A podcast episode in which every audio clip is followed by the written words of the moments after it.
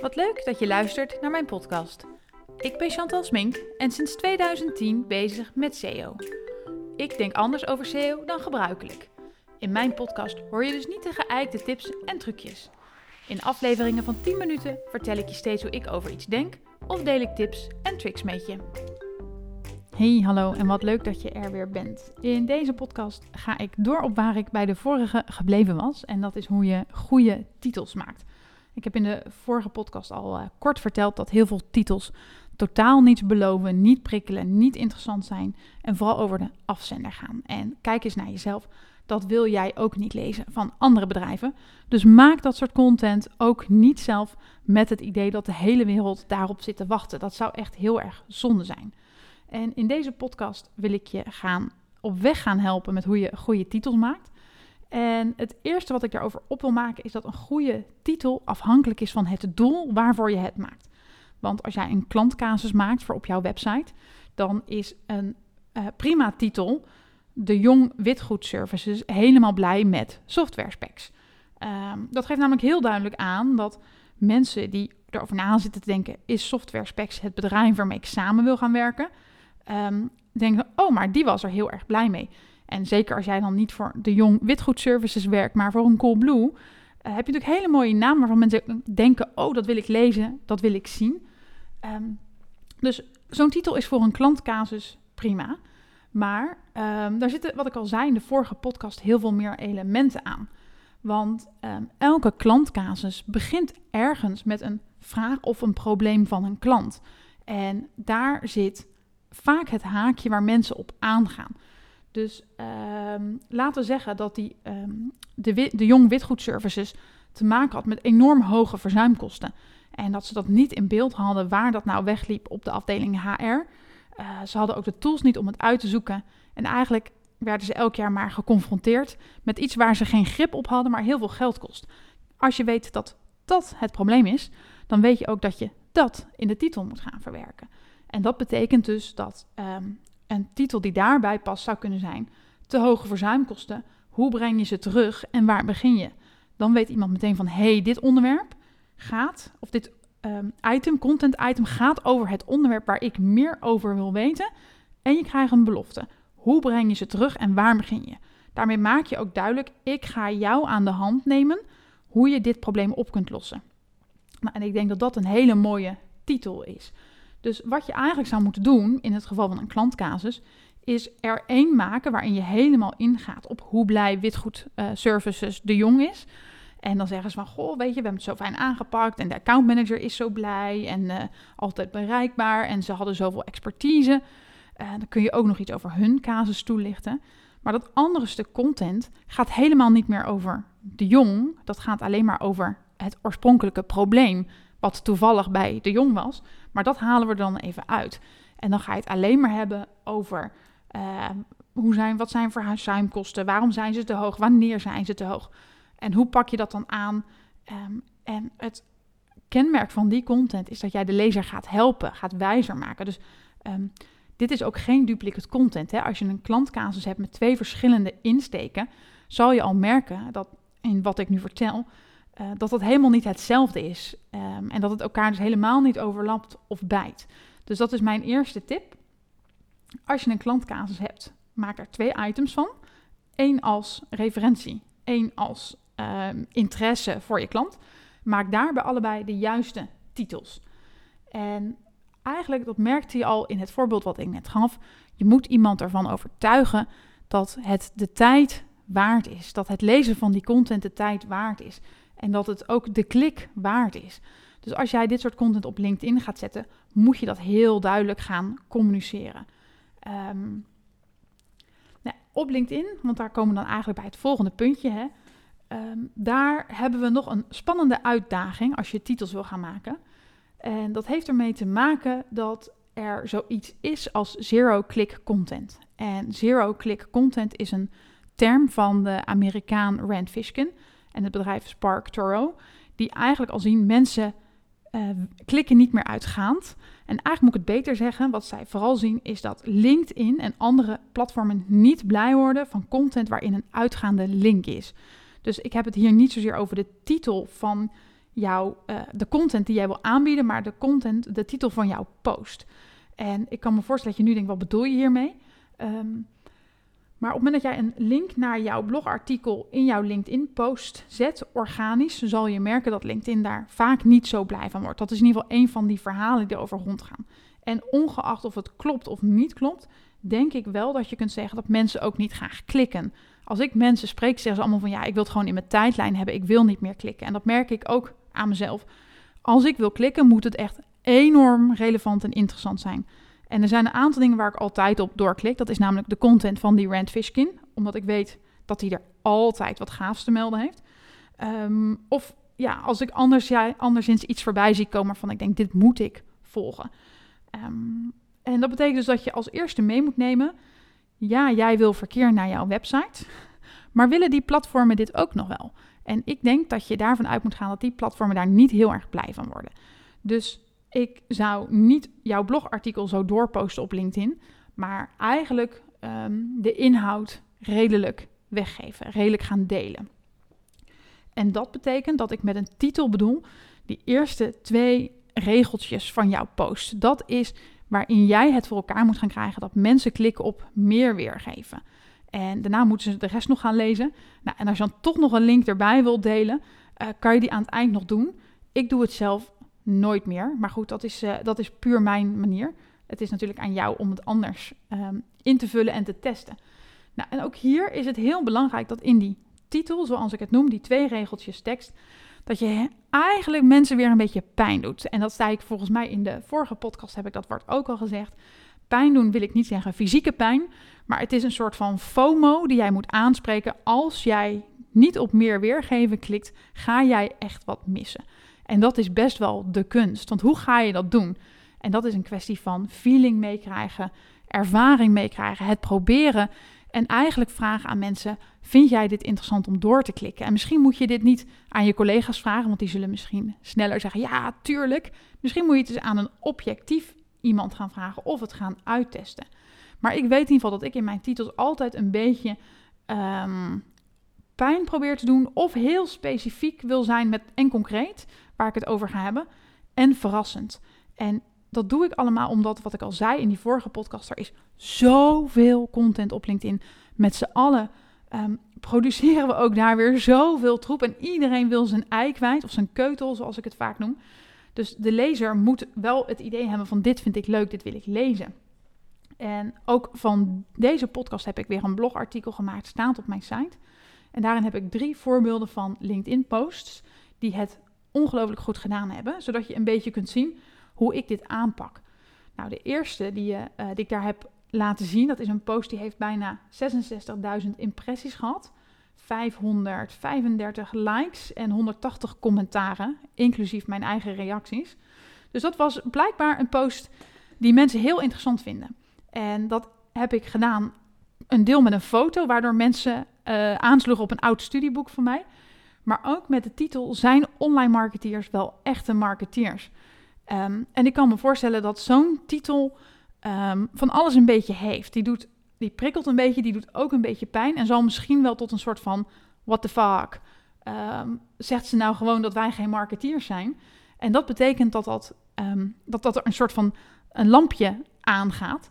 En ik weet in een van zijn boeken uh, heeft Aart-Jan van Erkold over de bullshit radar, waar je doorheen moet komen. Ik denk dat je met zo'n titel door die bullshit radar komt. En ik denk wel dat die, die, die misschien moet ik dat zo vertellen, maar dat uh, het in de loop van de tijd wel uitmaakt en verschuift wanneer je doorheen komt.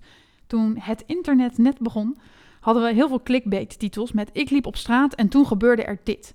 En ik denk dat dat steeds minder goed werkt, omdat mensen weten van ja, die titels zijn uitgehold, dat is clickbait, dus daar klik ik niet meer op.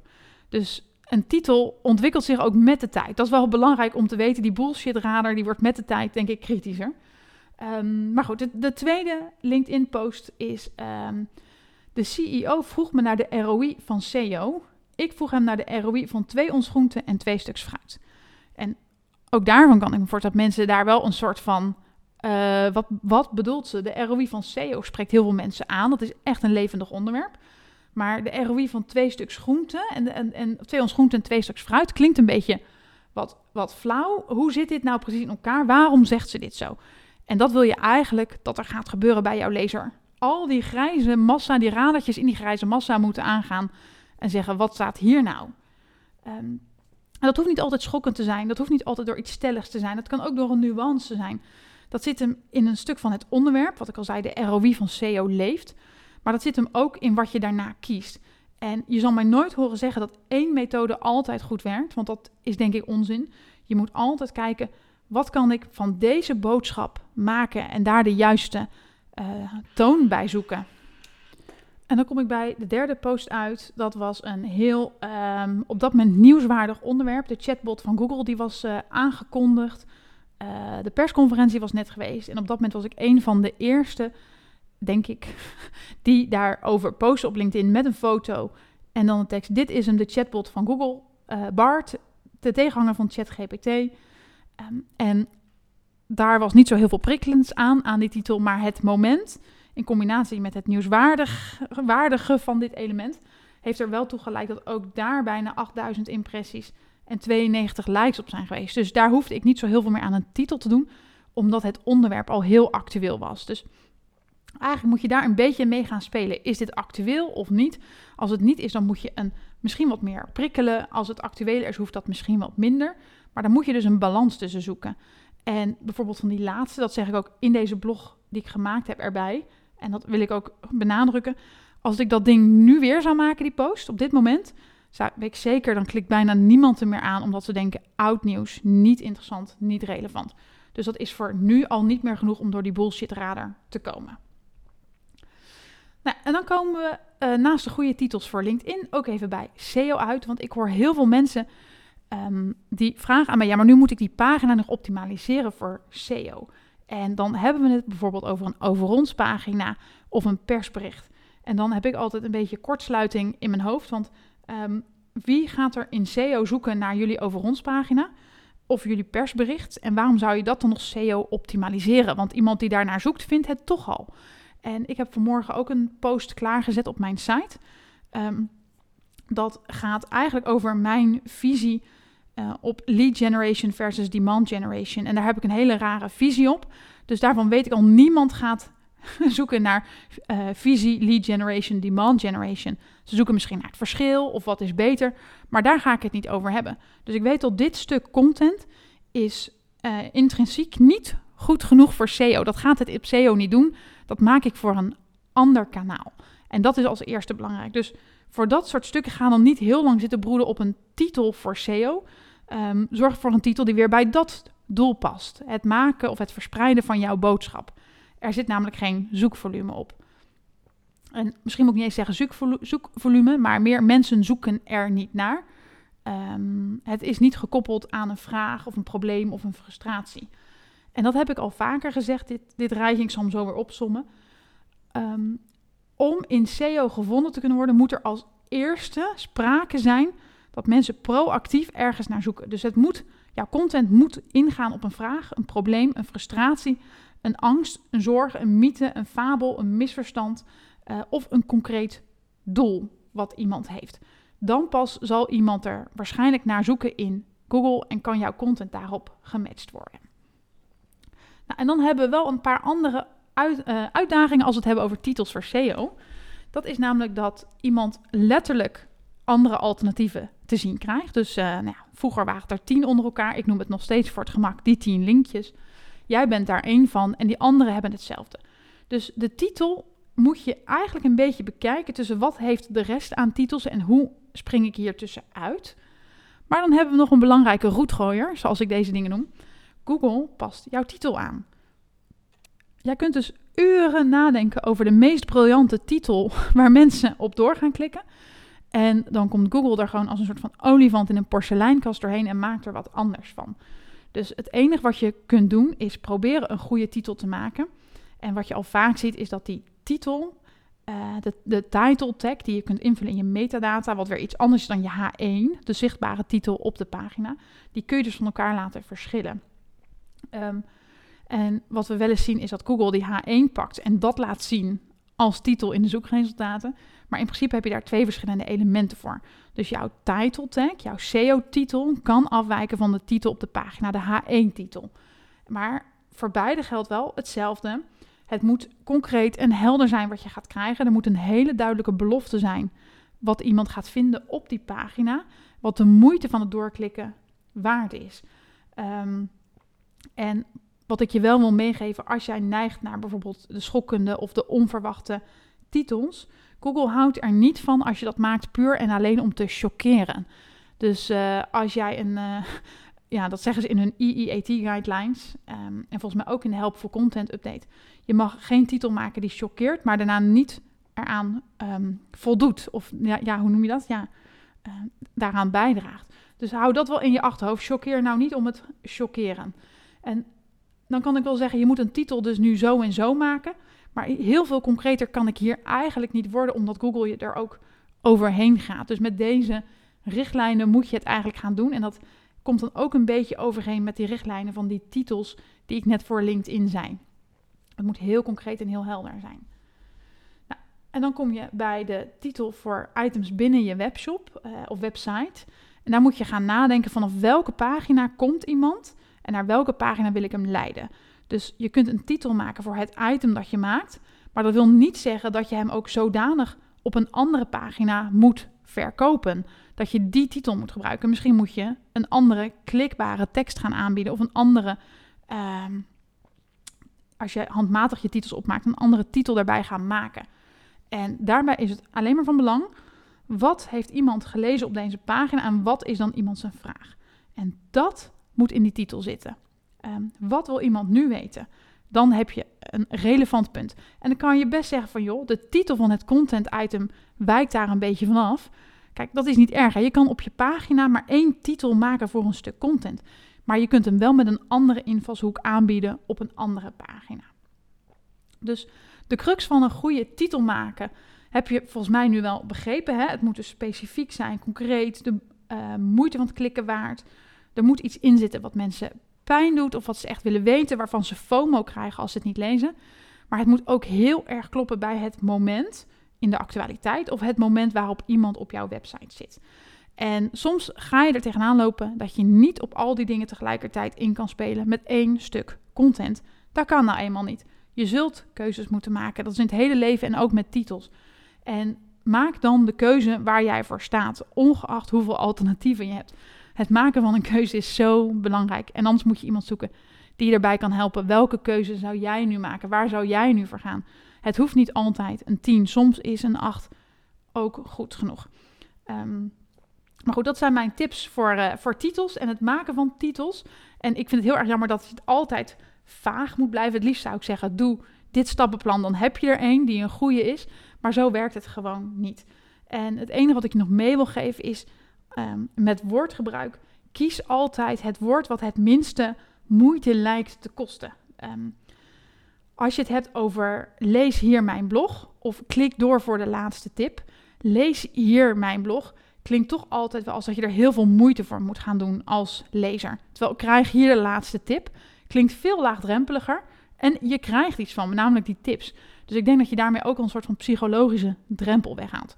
Dus eigenlijk het hele spelletje titels maken is één groot psychologisch spel. En ik vind het super leuk. Dus als je nou zegt van ik heb een aantal titels, ik kom er niet uit.